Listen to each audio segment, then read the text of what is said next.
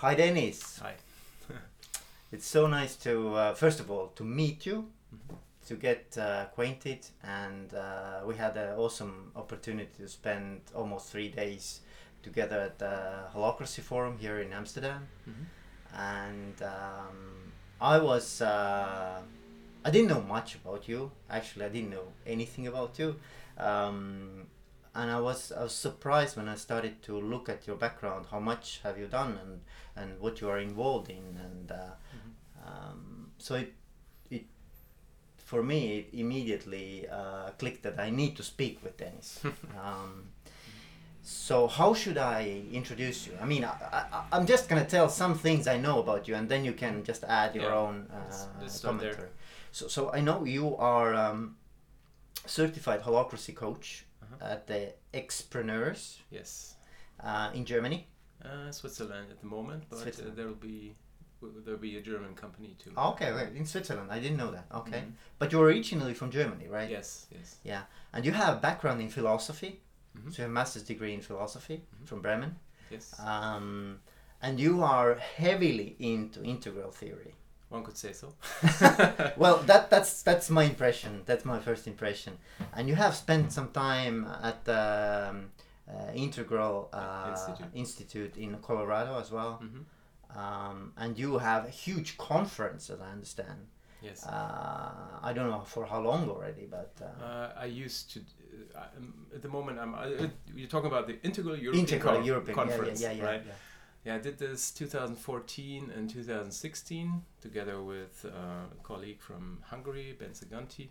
We, um, yeah, we had the vision of bringing together the kind of the national integral tribes, as it were, of uh, in the sense that people that are interested in integral theory and Ken Wilber's um, stuff and the all the adjacent theories surrounding it, uh, there uh, that want to meet. So we um, created this uh, space, um, and it was yeah quite successful. It's still running, so there'll be another IEC um, uh, soon, like in in I think yeah also May. So uh, in a few days, I, I believe. Okay, cool. So yeah, uh, so this is continuing. I pulled out after um, after two of these because they're also pretty stressful to be organized. So uh, we had uh, 500 visitors from 35 countries. So Yeah. pretty pretty global event, and um, yeah, it was fun.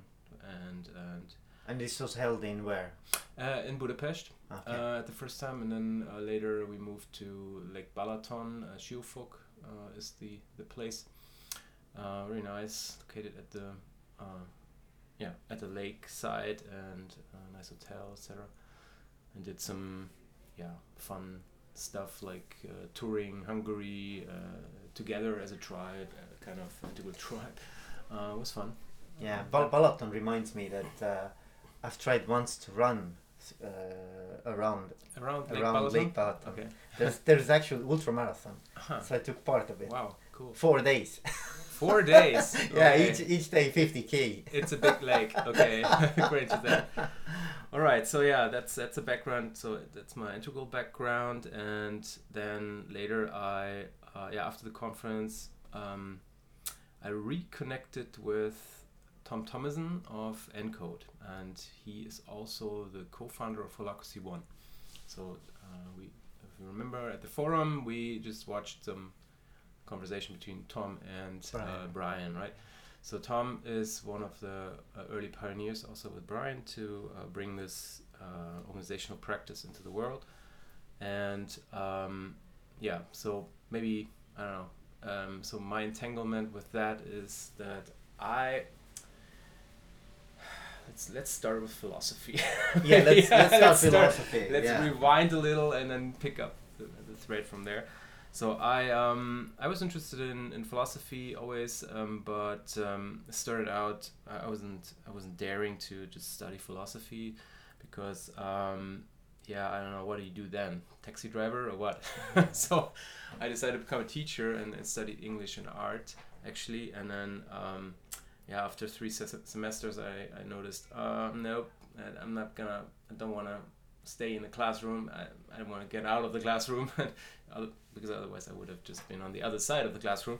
Yeah. And so I um, decided, okay, I don't want to just abandon what I studied. Let's let's take philosophy as a major and then the other two subjects as a minor, and that was possible. And I did that and switched uh, after three semesters, and then um, I said, fuck it, I just do what I, you know, I might as well just study it Mhm. uh, and then figure it out what to do with it later, which uh, led me to study very long. so I studied eight years, which is wild. If you think about it, luckily it wasn't very expensive um, in Germany.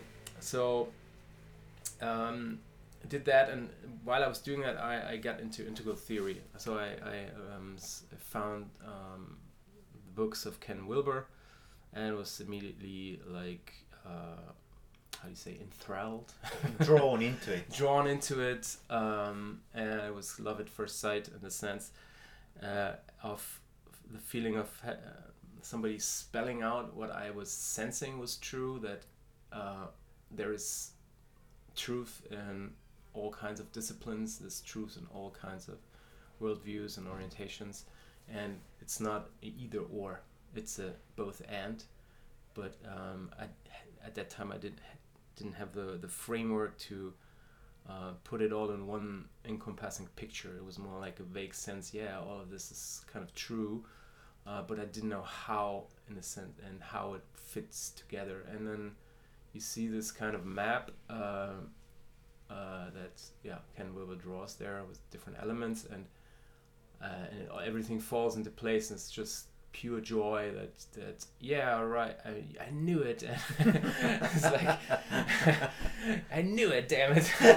And as and then at that point it was like okay now I felt like having found my purpose in a sense. That, so I touched what what I felt like was purpose because I before that I wasn't like you know studying philosophy. Was also an expression of I don't want to have to do anything with this strange business world or or Mm.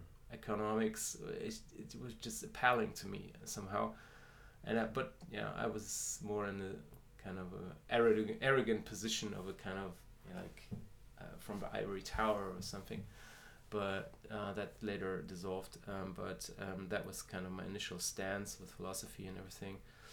And then I uh, got into integral theory and learned to appreciate uh, all aspects of reality, including economics. and well, Mm, so I was inspired by Ken's theories, and I learned that oh, he has this institute in Boulder, Colorado, and by that time I was studying English, um, so uh, as a minor subject, uh, and so I had to have like three months um, in an English-speaking country. So I decided, okay, I just ask if I can do some volunteering. And luckily, um, I was able to and to go and they they said yeah sure come no problem we can have you. And um, but so I had my it's funny story I had a plane ticket and everything was was there but until like the week before I didn't know I didn't have the answer uh, whether or not I can actually be there. So it was kind of also a, a personal challenge. And I got there and and back then was with, with my, my, my ex-girlfriend back then um, so we were there and uh, it wasn't clear where we would stay you know so uh, they put us up in the old house of Ken Wilber in the in his old master bedroom. It's That's like- awesome. It's It's like- awesome. I was mind blown. I was, and then we, we would. The house was back then was occupied by um, by his kind of students and and uh, fellow like uh, the, staff of Integral Institute, like young folks, all very cutting edge people, and it was very fun.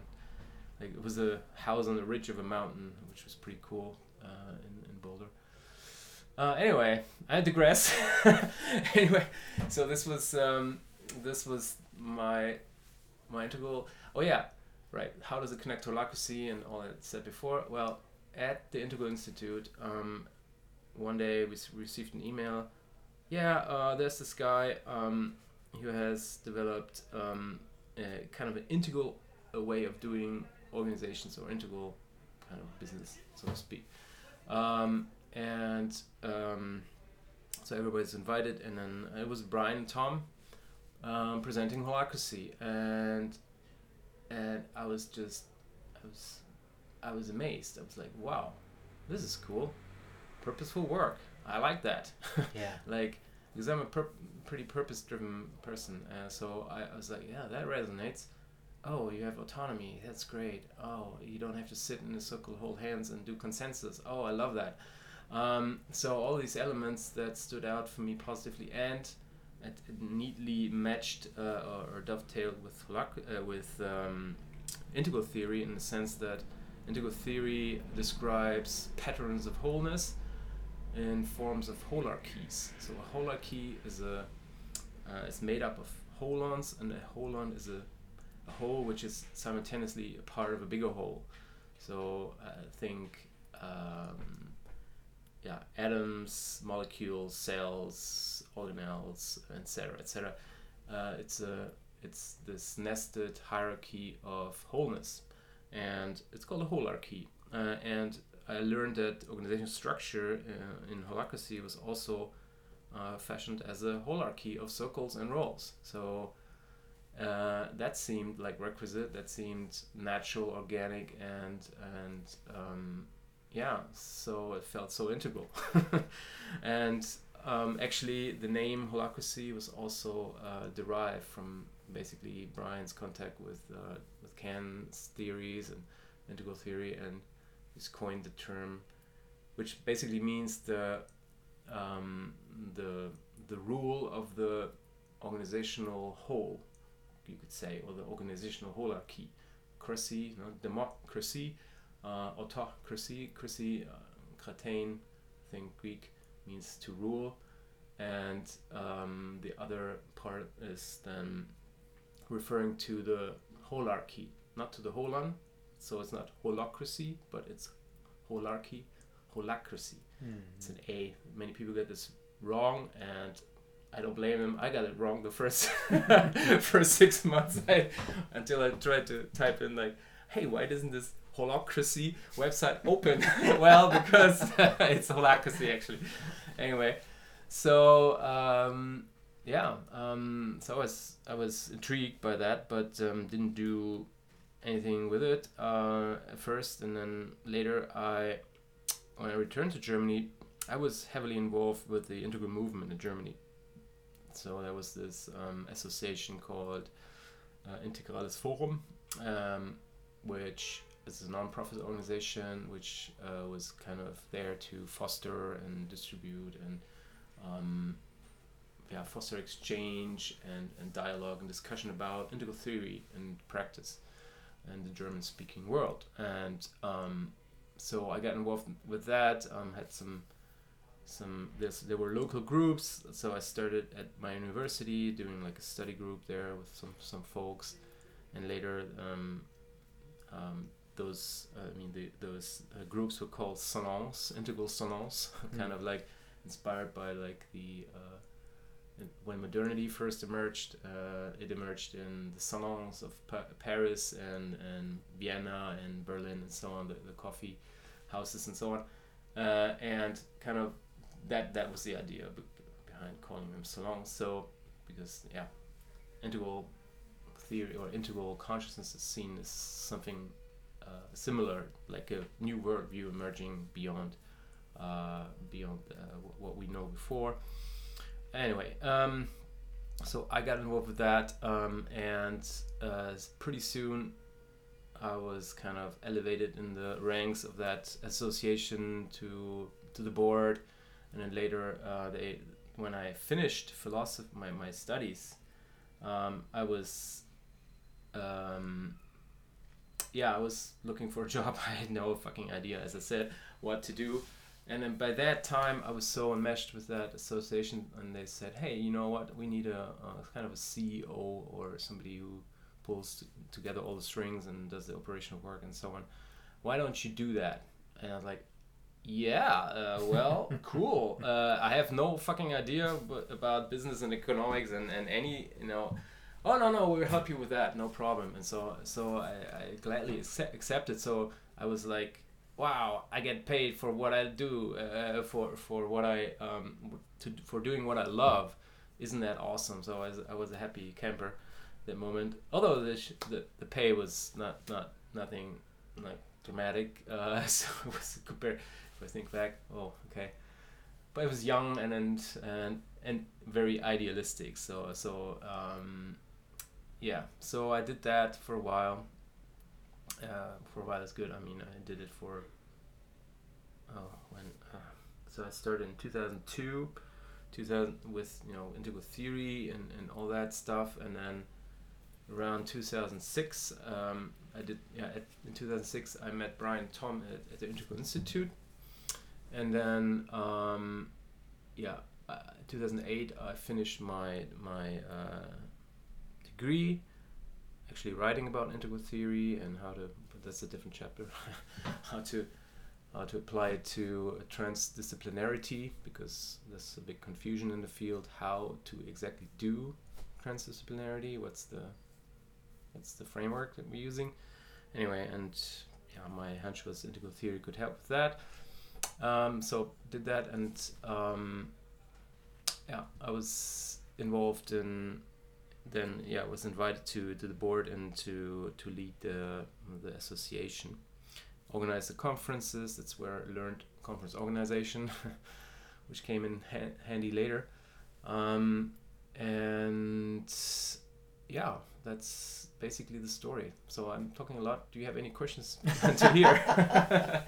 No no it's interesting. Yeah it's Mm. very interesting. I was just wondering you know Mhm. what, what led you i mean you said it, it you immediately clicked with uh, with the integral yeah, theory but but but how has this changed you or, or do you see that it has somehow impacted your life uh, Yeah, I mean that that that totally uh, gave me a sense of direction. So I was lacking that uh, up to a certain point, and when I found Integral, I was like, yeah, my life will be about that stuff.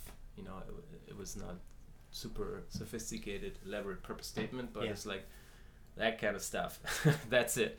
Uh, and I'm gonna do everything I can to share this with the world uh, because it's so delighted me that it exists and also it kind of validated some some other part of myself which was um, I had uh, in my youth some you know some spontaneous I would say kind of inside experience inside experiences or or uh, mystical experiences however you want to call them just some deep states that I couldn't co- explain with my rather secular upbringing and and my yeah rational worldview.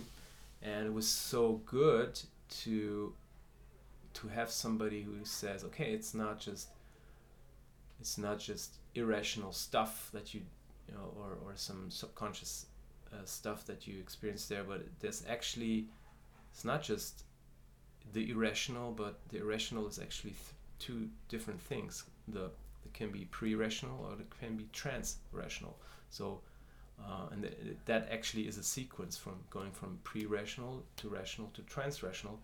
And what you experienced there uh, was a trans-rational state experience. So um, temporary dipping into a higher reality that is always here but we uh, we're not always attuned to it but it exists.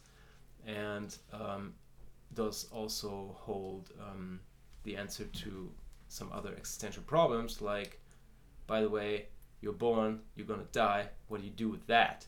Right?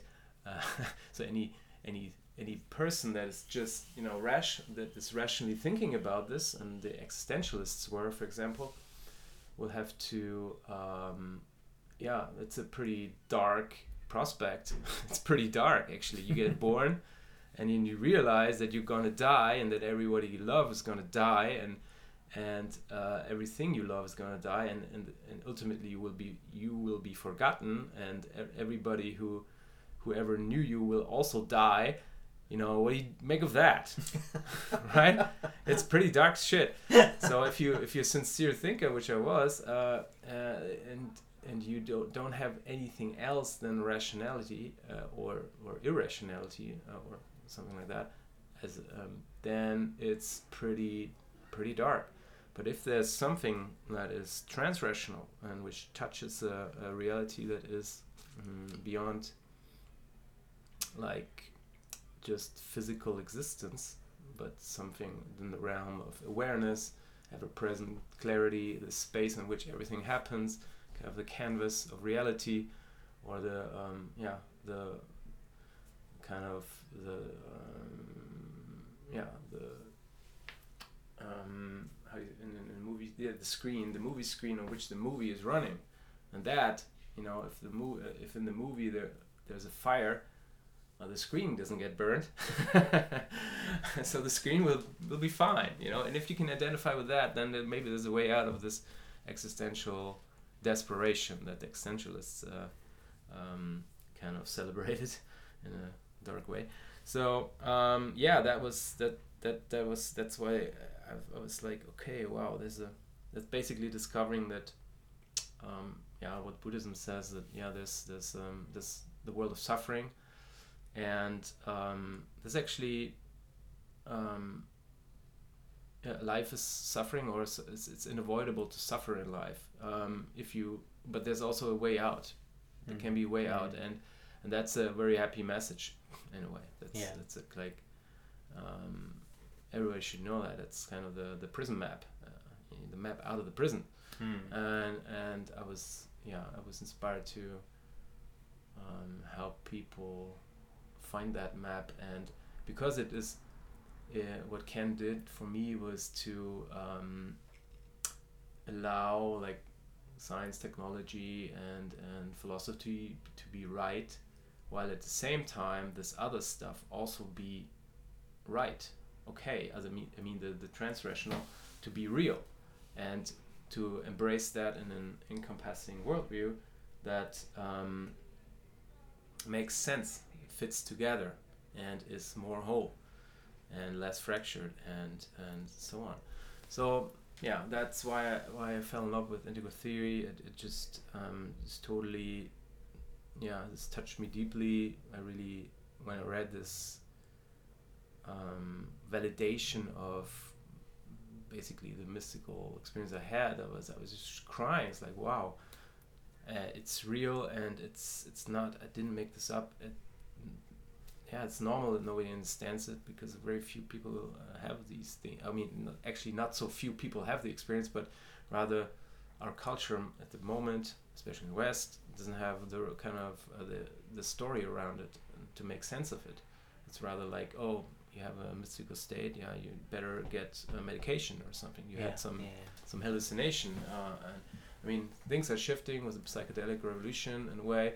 People get through these substances that there's there are states uh, beyond the ordinary awareness. But anyway, so um, yeah, that was um, how I was uh, yeah involved with Integral and the Integral movement, and uh, so I was the the CEO of the uh, this association in Germany. We had 500 members uh, in like 20 salons all mm. over the place. Mm Mm. So um, I was like, okay, I, I, really like that holacracy stuff. Let's invite them. So I invited them to uh, Tom and Brian to come or com- to a conference, and also since they were here, let's do a little kind of workshop tour uh, across um, these integral salons. And it really was kind of the first um, audience. Mainly came, I would say, from the, uh, the people interested in investing and doing a training and so on they came from the integral movement um, because the integral movement just immediately resonated with what what holacracy is all about, right? Um, so yeah, um, so I got involved with that, and um, so I also met Tom there, and and later um, when I was um, yeah, so later I, I, went on to organize the the integral European conferences uh, because I was looking for like a bigger bigger context for this consciousness to emerge. Um, I got re- reconnected with Tom because Tom was also always around uh, the integral movement. He's um, interested in that stuff, and so um, and he asked me, "Hey, uh, I've got this new startup." Um, because I was phasing out of Integral Europe- European conference, which I had done twice. Uh, here I have this this new startup called Encode, and we're looking at um, creating legal, financial, and social uh, templates for organizations that do holacracy uh, or other self-organization systems to help them, um, yeah, kind of realize the principles of self-organization more fully or mm. more deeply. Because if you anchor it differently legally, it makes a big difference. Uh, we talked about at the forum, maybe remember, uh, if if your ownership structure uh, or legal structure is in a way that there's an yeah there's an owner and then there's employees, then there's always going to be some two class society. you know, you, you might might be uh, doing Luxy as much as you want, but still it feels like oh, can I say everything in front of the kind of the owner or the founder or whatever?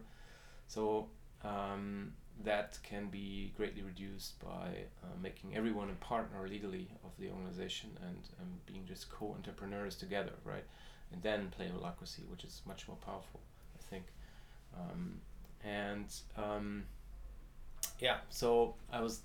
He asked me, and I said, "Hell yeah," because um, from what I understood is that uh, yeah, um, holacracy was developed at Holacracy One.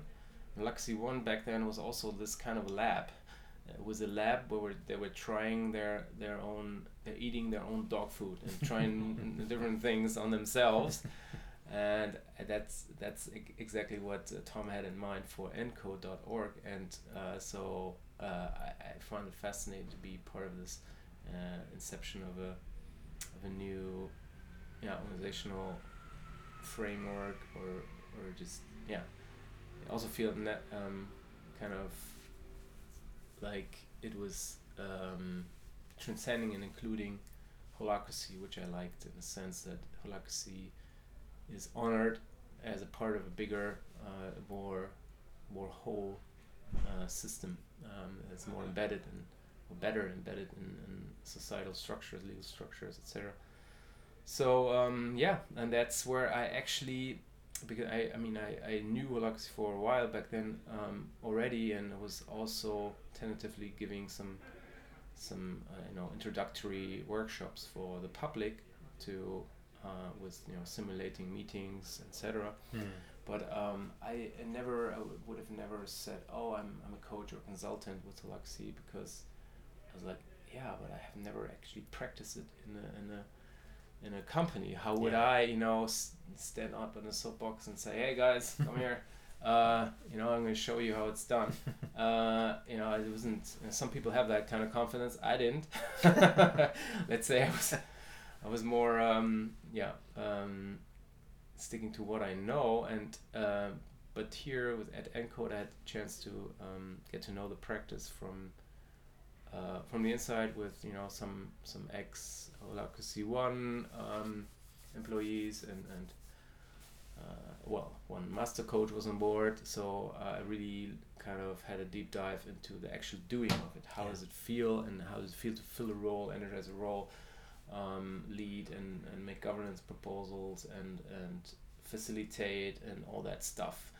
Uh, it was great. And so then I was growing, my confidence was growing. So I um, actually Tom sponsored me to, to, to go here to Amsterdam to do that that training, the the coach training, uh, out of gratitude basically for what I did for for them in the early days, uh, and kind of I guess an investment in the future. Um, so yeah, I did that and uh, then um, became coach and well after you know one unsuccessful assessment. that was a successful one, and um, um, I I reached a degree, and yeah, since then uh, I am certified coach, and well, the thing is with Encode is, is it's um, it's a startup where, where the money is waxing and waning, so it's it's always little so so far out there that very few people are getting like it's like producing solutions for problems others haven't even thought about that they might be having so it's sometimes can be kind of a hard sell. So with, with some financial difficulties, and anyway, the, the money was running out pretty much, and but at that point I was already certified. So I said, okay, well then I just you know I do a freelancing coach, Mm. and that's what I did. The very first um, client was actually Hypoport, which is turned out later to be like a big, the biggest client I could have Imagine. get it, get it gotten, and I didn't even try hard. It was just somebody found my articles on in, uh, I wrote for Encode about this stuff, and they uh, that was Klaas Reinecke, the the guy I was supposed to have the um, um, presentation together with, and um, my colleague there, and he invited me to come, and um, well, then to develop some internal um, practitioner trainings for them because they had a lot of people to be trained. Um, so Hyperport is a company uh, at the moment, I think 2,500 people, Yeah. uh, a network of companies actually, and um, so there were entities between 600 and well, like between 30 and 600 people, and seven of them currently are practicing Luxy, and we um, we're helping them with yeah learning uh, learning how to facilitate, etc., etc., uh, doing some leading training, um, and so on. Um, so at first I was kind of an external, and then I was invited to um, to join from like become an employee, an internal uh, coach, um, which simplified things. But I resisted first because I was like, ah, do I want to Yeah, to, to in a- commit so much to Yeah, one to- one client. Yeah. yeah one yes that's the, the the freedom and then and i thought about it again because it was the best of both worlds like like a, a fixed salary where i didn't have to worry where the money was coming from together with the prospect of yeah you can create a, uh, um, a workplace uh, where you can work autonomously uh, in the way you like to work like in a holacratic way. Um, so i was like yeah why why not actually? So let's do this. And but i wasn't kind of planning to do this forever ever. Um, but um, yeah it was good. It was really good for me to um, to experience that. And so we uh, had this little circle there um, called Hola B. Um, the idea here was to say, well, it, it doesn't. So holacracy is the organization side of the thing, but it also takes the human side of the uh, equation. So uh, the hola part is yeah, obviously hola, and the B part is the, the kind of the human side. Mm. Hola B Mm. was the idea, and if you look at Ken Wilber's four quadrant model, that would be um, uh, the right side of it would be like the objective, visible, kind of um, observable side, and then the subjective inner side of street would be the inner development, culture, um, psychic, uh, psychological um, interiors. That would be the left hand uh, Mm. side of the model. So it was kind of that idea to have this uh, overall um, uh, approach to to look at it more holistically. I mean, what holacracy does and does well is to differentiate uh, um, human from the organization or the organization the organizational role from from the human soul to because they're you know pre holacracy they're in a state of fusion and that is more uh, very unhealthy and uh, mostly and by by enforcing that distinction it kind of differentiates both but um, then that which begs the question how are they going to be integrated? And taking a whole like all quadrant perspective on it that's kind of the, the the answer. Yeah it's still yeah you have both these things and you have to um, look at practices for humans for the culture um, to grow and develop um, and help people on their journey to to gain the capacities they need to be able to fill roles and also to feel at home in the organization um, and in the end it's gonna yeah I mean he, he Brian always likes to say first is the differentiation and then there's kind of the integration, and in the end, it's kind of the interpenetration of so all these dimensions, being human and being enrolled, are there simultaneously. It's not something in a sequential order, but you still they're not mushed together in a fusion. Uh, you have them differentiated, um, which is kind of cool. if you think about it and that's that's yeah that's the way we worked at encode or how also what the feel was at encode mm, that this is possible we, we are just humans but we also show up and roll and it's we play and hang but hang out together and but we still have autonomy in that too so there's also a rule set for um, for how to deal in the what we call the association space so kind of the people space um, meaning yeah it's not this, the holacracy rules that are at play here it's, it's other it's a different rule set because mm. it's a different space and then there's the legal space or the company space so that we so the, this so-called for-purpose enterprise that uh, encode was developing was comprised of uh, these three containers one of which was the work uh, organized by holacracy and the, uh, the, the rule set being the constitution of holacracy. That was kind of um, imported, and then uh, but also um, we have a mm, yeah an, an associ- association agreement, some kind of rule set that we agree upon, a minimal viable uh, rule set for how we deal with whatever interpersonal conflicts, etc. So some some kind of uh, rules that we agree upon entering the, the organization and then um, how we want to hang out as people, etc. How we want to relate, and the other was, of course, the like the legal, financial, how the shares being distributed, etc. So that's that would be the company container. So association, uh, organization, company are the three containers that make up the for-purpose enterprise, and holacracy is part of that um, that whole system. Yeah. Yeah. Anyway, I was, I'm talking a lot. yeah, yeah. It's, it's, I'm, I'm, a very good listener. you are. I, am really good in that. Uh, I'm doing that great. You're drawing it out.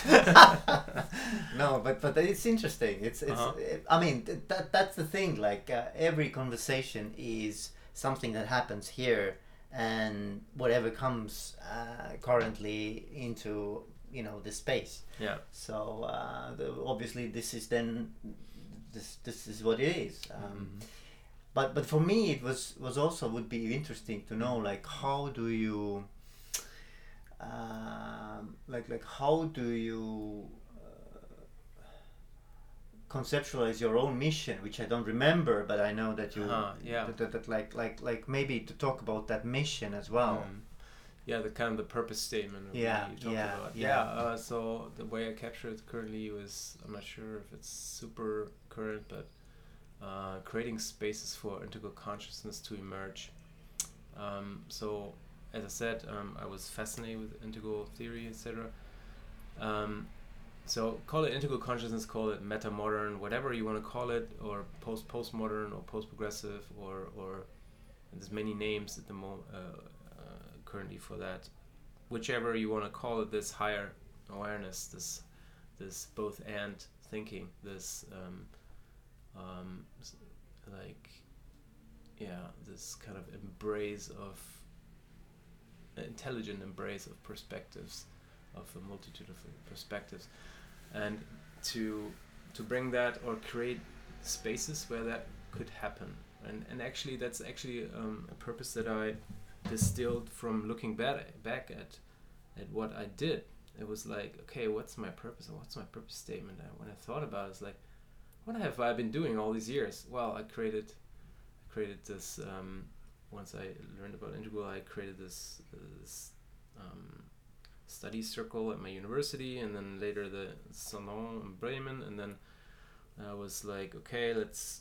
I did the, the, the national at the national level, then at the international level, and then uh, I was I was working as a holacracy coach, where which uh, I also said, okay, well, it's not so different. I still bring integral consciousness into the world by, yeah, by uh, using uh, this organizational structure that which helps people to, well, integrate perspectives. That's again, that's what it, what it is about. So, for example, integrative decision making in holacracy as a process is is just doing just that and giving people um, a space where they can show up and, um, and do that. So that seems to be uh, my purpose, like creating spaces for integral consciousness to emerge. And yeah, that's I think it's still pretty true. So Yeah, it, it nicely kind of weaves everything together. yeah, Like, it's like almost like a red thread that yeah, that's goes through through. line of, Yeah, yeah, of yeah, everything I've done.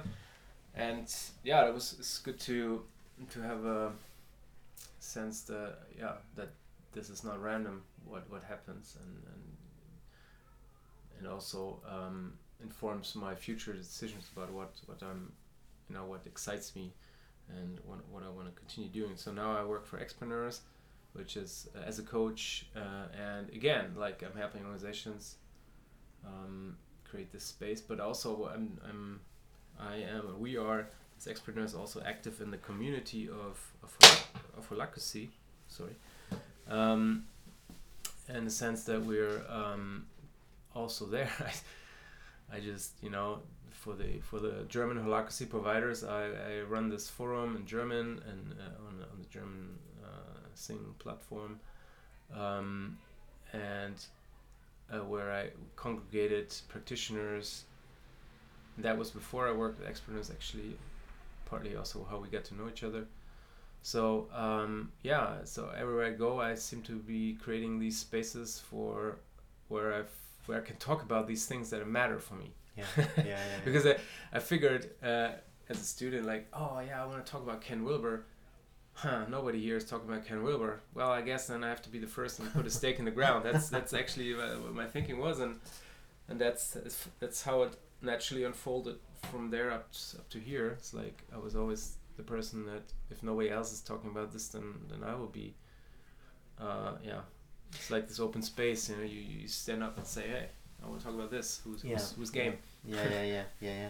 So, so, so, if our listeners now, I, I mean, there are people who know holacracy, there are people Yeah. who know integral theory, there Yeah. are people who doesn't have a clue. Yeah. So, if you would give a, like, like, like a, I don't know if it's possible even, but some kind of a crash course, like, like, like, Yeah. like, like, uh, I like challenges. or, or maybe I, I would even start from Ken Wilber because because uh, I, I think holacracy Okay. is something that I have uh, for hours and hours talked on my podcast. okay, cool. cool. So so may, may, maybe more Let's about like that that side.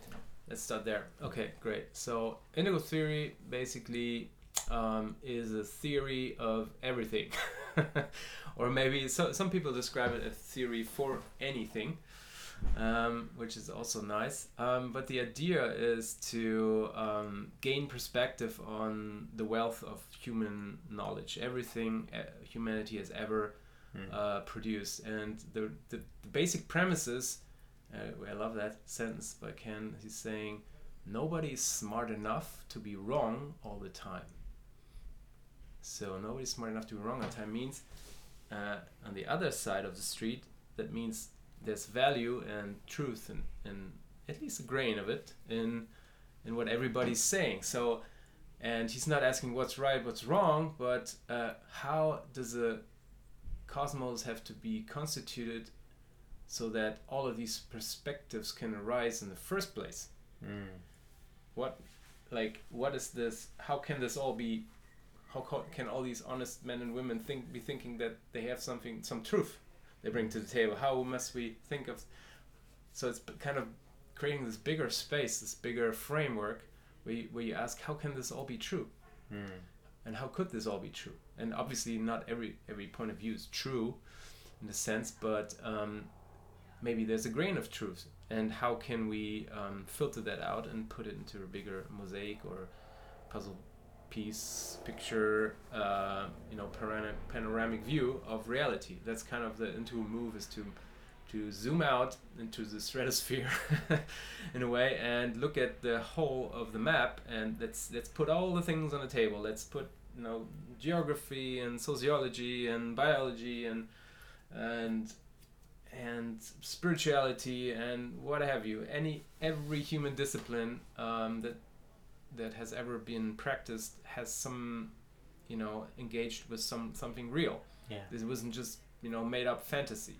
So it's silly to argue like which is which one is right, which is wrong. So rather ask like how can they all be right, and what would have to be true for them to all be right, and how do they relate to each other, which is the integral move to make to say okay can we describe the relationships of these elements? Under which conditions are they true? What's and that's where Ken says yeah every truth has its kind of a cosmic address where it's true. So if you go there then you find you will see the same thing. Mm, mm. right? So uh, let's say uh, and he, he makes an example like there's this magic worldview which is uh, early human uh, consciousness that, uh, that that has that's that's around that emerged all around the world at a certain uh, period in history, but it's also recaptured in individual um, development by children, uh, which is the magic worldview. It's like Santa Claus and, and all that stuff. And he says, yeah, you know what? Santa Claus is real. And how do you what do you make of that statement? Well, Santa Claus is real if you if you plug in the parameters of um, of um, a magical consciousness, and um, then and you go there, then it's very real. The children, it's a real experience at that level of, of consciousness. So, um, and then he has other kind of um, parameters of like cosmic addresses, like um, and th- th- those those are the main. There are main the main elements of the integral model. He's summarizing them as um, AQAL. AQAL, well, all quadrants, all lines, all states, and all types. And all these are like um, kind of patterns of organizi- organizing information, let's say. So the quadrants is a very interesting model, which is basically says every inside has an every outside has an inside, every for every singular there's a plural. That's Mhm. basically what it's saying. There's an inside and outside to everything. Uh, every everything has a, a collective and a singular dimension. So, for example, um, let's say a human being. A human being um, has well has a physical body. That's kind of the thing you can point to, you can touch, etc. That emerged over uh, through evolution, and then um, it is also embedded in a system of other bodies in the environment Mm. and and uh, has exchange processes with them. That's where the systemic, um, so he, uh, uh, the systemic dimension of the human is is located, and then that's the just the observable things. Um, but then there's also um, things you can cannot point to. For example, uh, the individual's emotion. Um, okay, you can maybe see it on an on a um, in a brain scan or whatever, which which brain area lights up. But well, the brain is not the feeling. It's just something different. It's a different uh, different dimension of reality. It's a the one is the third person view of the event, and the other, the feeling, is the first person view of the event, the subjective experience of being excited, for example. Um, yeah, you have correlates in, uh, in the brain, etc., but it's not the correlates in the brain do not capture the full reality of, of how it feels to be excited. Mm. There is something missing. uh, and um, also, um, so that's the, the, the singular, uh, the uh, individual and interior dimension is the, um, yeah, the feelings, the thoughts, all my every my perceptions, everything that has that uh, scientists also call qualia. So not the quantifiable thing, but the the thing that, that has a quality to it Mm, that you have to mm. you have to be there. You have to be there in the first person. How does chocolate taste? If you never tasted chocolate, you can describe the chemistry of chocolate all you want. It'll it's not the same as taking a bite Yeah, yeah. Right? Yeah, yeah. and feeling it. So that's the interior dimension. Then there's an interior collective dimension.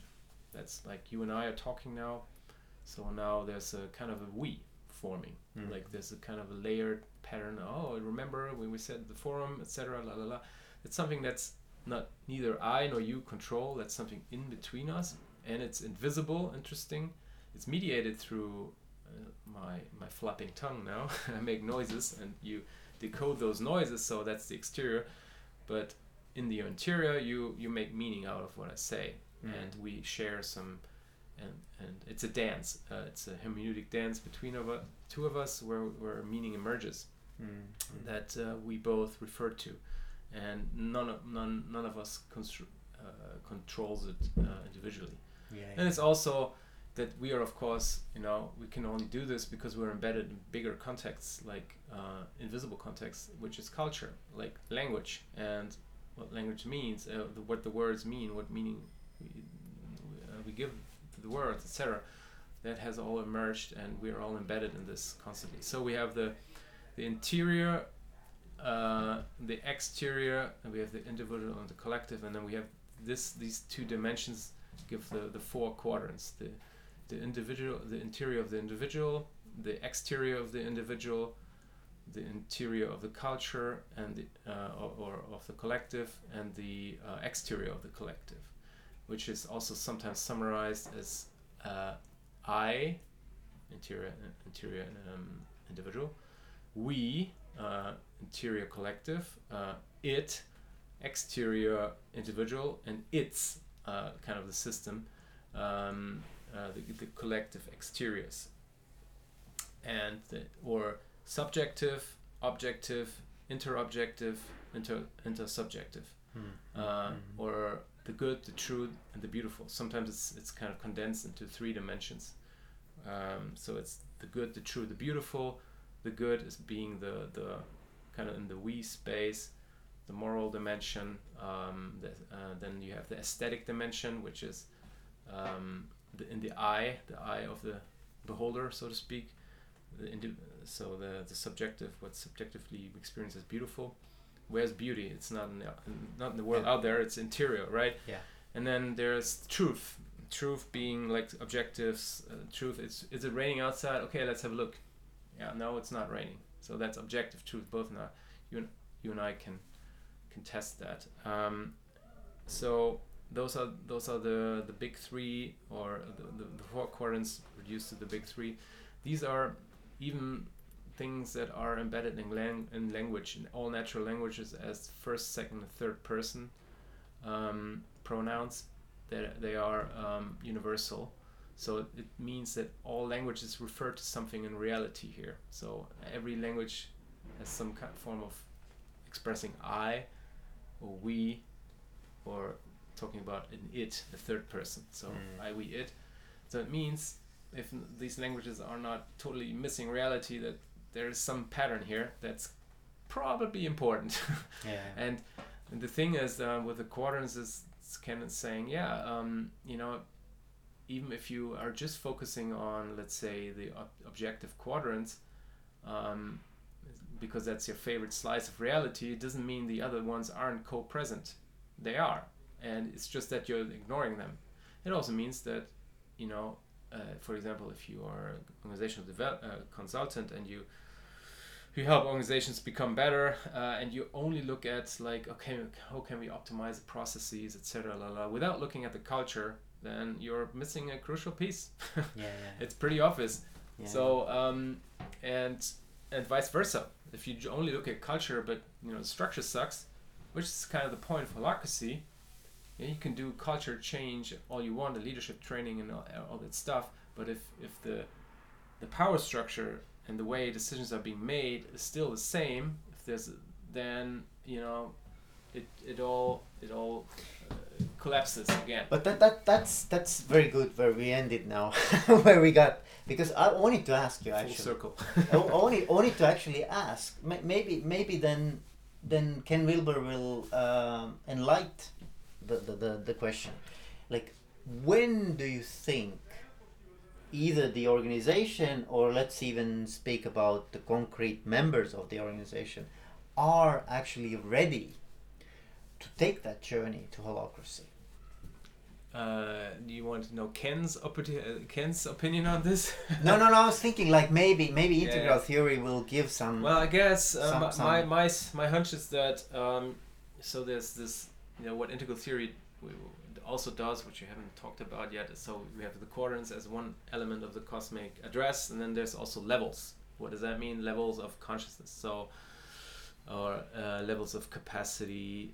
Uh, so actually, it's in general it's levels of consciousness, um, and but you have to specify what dimension you're talking about to be to be um, more precise. Like what line of development are you talking about? Are you talking about the cognitive line of development? Are you talking about the um, values line of development? So what values people follow? The moral line of development? What people you deem worthy of your compassion? Uh, or the is it I don't know the culinary line? How good you can cook or your kinesthetic line of development. They, all these can be at different um, Stages. stages of, um, of development. Uh, but there's some overall kind of sense, and um, that, well, you can say there's a certain abstract, um, um, how you say, ruler that you can apply. Um, so you can say somebody's roughly at that uh, stage of consciousness. So meaning the kind of the complexity the person is able to digest and and um, display also. Um, and I would say so. There's this this um, sequence of we already talked about the magic uh, structure of consciousness.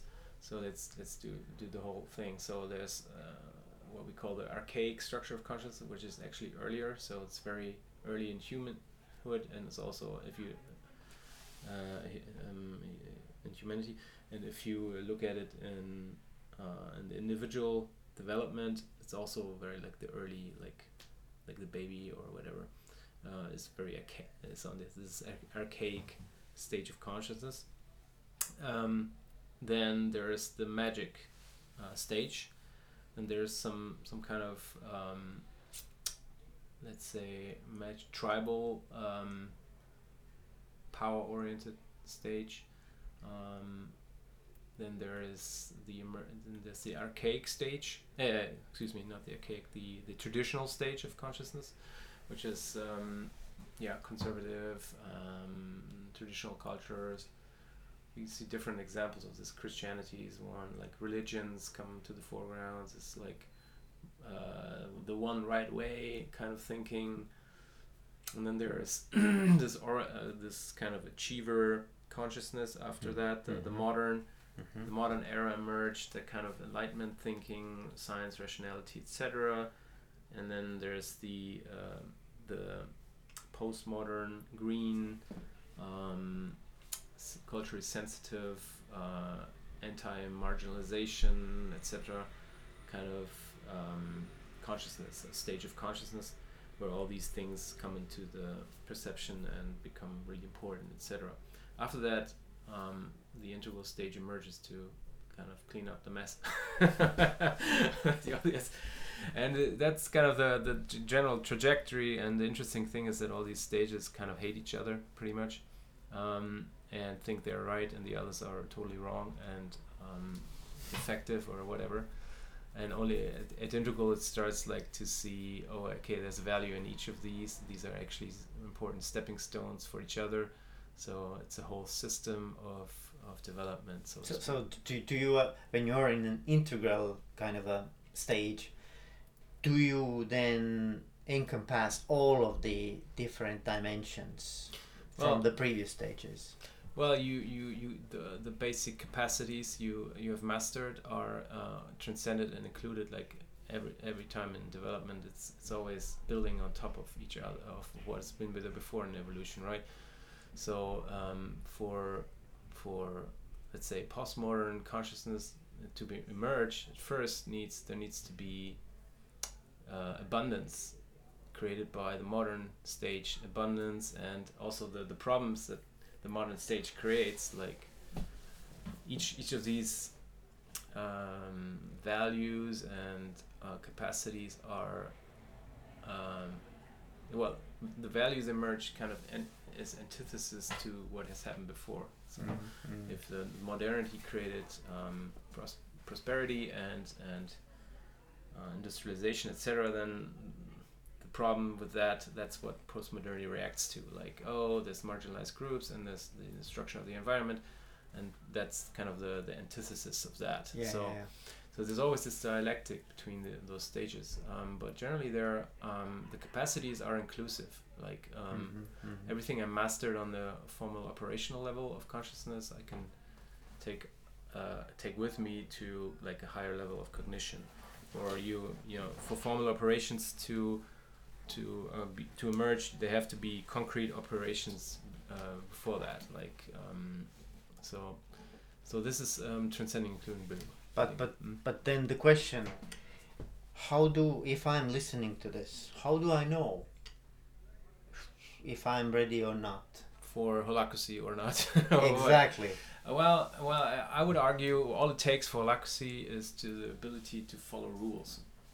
Before But that, that that's pretty pretty pretty pretty low. basic. Low That's low. pretty basics. Like pretty, it's the traditional consciousness. You're fit for holacracy, no problem. I, in my view, if you, maybe you sometimes you you are even a better fit because if you know postmodern people often Don't- don't like to are follow are- rules. Don't like follow rules and they find it too rigid and they're too smart. They're smarter than the Constitution, right? So they they struggle with that uh, and they want to you know make their own rules or or you know hey it's not so important and oh uh, I I want to you know I don't want to cut off anybody because that would hurt his feelings etc. So that that often doesn't fly with holacracy. So if you're in a meeting and you speak in the wrong turn, the facilitator just cuts you off because that's actually the most compassionate thing to do. But green may not, the green or postmodern values may may not feel that way. Yeah, so yeah, yeah. it may get in the way uh, for them.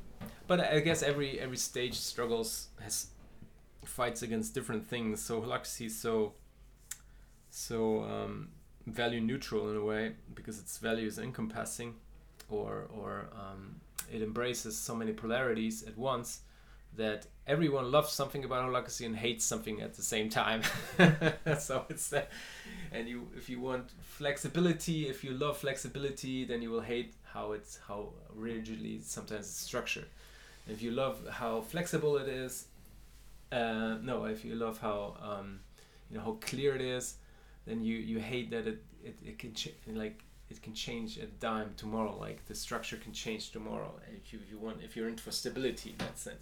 But at the same time, the rules are pretty stable. So um, so it's kind of th- this dance where um, both sides are being played, uh, but but in a well as a, as a well managed polarity. So. Mm.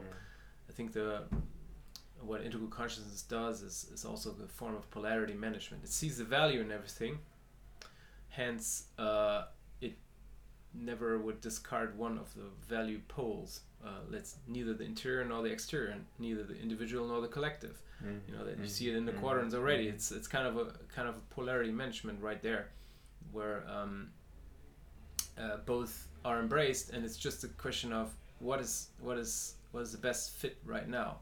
You know, uh, it's fun. It's also called flex flow. That's that stage. Flex flow is because it's flexible in a sense. Yeah, what, what is needed now, and we use the tool that's needed now, and it works best. But Mm. we're not let kind of we're not married to any one particular um, way of doing things. Whatever works best now. And I love what uh, Tom Thomison says. Um, let nothing get in the way of the work, not even holacracy. and I guess that's like if you look at the Constitution, that's why there's a rule saying you're allowed to break the rules under certain conditions Yeah, yeah. um, to to to not be you know unrealistic because life is always more complex than Mhm. any any rule set could ever prescribe you know Mhm, mhm, mhm. um, but it is a scaffolding it helps people to have that rule set uh, and help them make better choices in, in organizations. So that's what I deeply believe it is also uh, catalytic for development. So um, people uh, in get through these by following these rules they make better they're forced to make distinctions which help them differentiate subject from object uh, like uh, let's say a simple thing like a check-in round like okay what has your attention? You're here in a meeting what has your attention? Uh, and then you just uh, share and then this in this moment of sharing you object make the what is has your attention make it an object.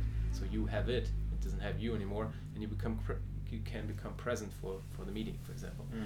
small things like that, and also of course um, the whole uh, integrated um, decision making processes, uh, helping people to um, to exhibit collectively um, capacities that if you were to look for them on the individual level you'd be looking at really high levels of development uh, in a sense like my ability to personally and in, within me integrate all that those all those differing and and um, contradicting perspectives uh, yeah that is some some a big achievement if you if you can you know can embrace all of all of, all of that.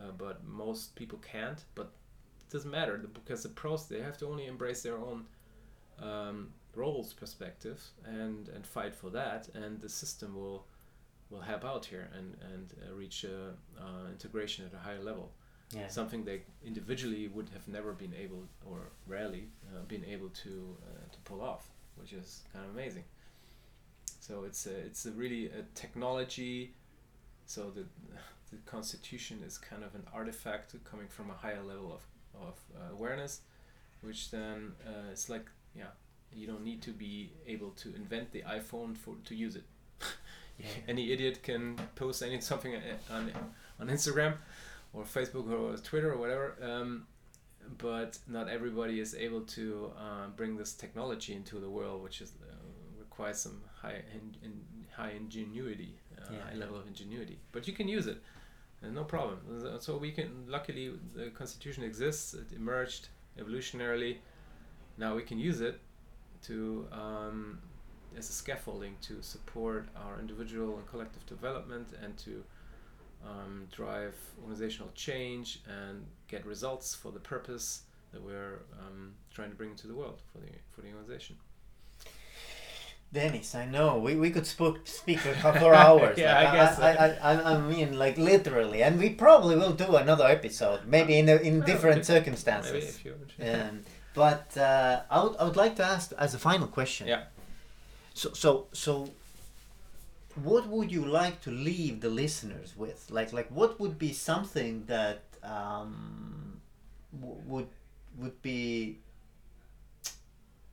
like almost like a like an accord or final thought that would make the people think about certain questions or Mhm. some suggestions or maybe you have an exercise for them or Mhm. how how can they become more aware of their own you know wh- what is their level of of uh, consciousness at the moment Well, um, I wouldn't worry too much about which which level I am at or, or stuff like that. I mean, developmental uh, theories are interesting certainly, and they can pique the interest. And but most people make this uh, usually um, uh, rank themselves two levels above their actual level. it's just an experience that so so some humility is totally uh, um, needed here, and um, you know you can look at this stuff. It's really interesting, um, but you know it's more important, I guess, that you um, uh, try to embody that stuff. Um, like, yeah, for example, uh, ask yourself how can can all these perspectives be right, or you know become curious about um, when you when something doesn't fit your worldview, for example. Uh, can you how under which circumstances can can somebody come come up with this idea? What are what are the, the parameters that need to be in place for this truth to emerge for this person in that moment or something? Become curious curious and ask, just ask. And and I think that's that's something we you really uh, are in dire and uh, lack of that, um, especially in the age of hyperpolarization, that people uh, stop asking questions and just you know go tribal and just sense oh is it is it you know does it fit my my worldview or not and if it doesn't then you're the enemy and and you have to be dehumanized or something like that which is um, it's terrible so we need more more of the curiosity more of listening more of the um, the both and and uh, yeah I think that's I guess what I would like to leave the listeners with um, So it's like like almost like a radical empathy or something like this. Yeah, the thing is that in postmodern consciousness prides itself to be very empathetic and, and compassionate, but they they hate modernity, they hate traditionalism, they, they they hate everything, hate every other level too. So it's it's they hate integral. Yeah. So it's not you know to be really So- leading edge. You, So, you so maybe be so so maybe one invitation for the listeners would be if if something was like alien or foreign or strange that was in this podcast, how to start to look at what we talked here from Yeah, maybe that well. point of Uh, just just uh, ask the question: How can Dennis be right? yeah yeah yeah exactly exactly what is what is the place you have to stand on? Like what are the shoes you have to stand in for Exactly. those perspectives to make sense? yes exactly And if you can get there, great! Congratulations. Just kidding. But like, um, yeah, yeah I think it's it's a good uh, good uh, place where to um, kind of uh, conclude and Yeah. um, awesome. Dennis, thank you very much for sharing your story, sharing um, whatever is whatever came up here today, and um, and I wish you all the best in your journey. Thanks, thanks for asking, and thanks for um, giving the space. And I think yeah, you are an excellent listener. So, Thank you. thanks. Okay. Yeah, bye. Bye. Bye.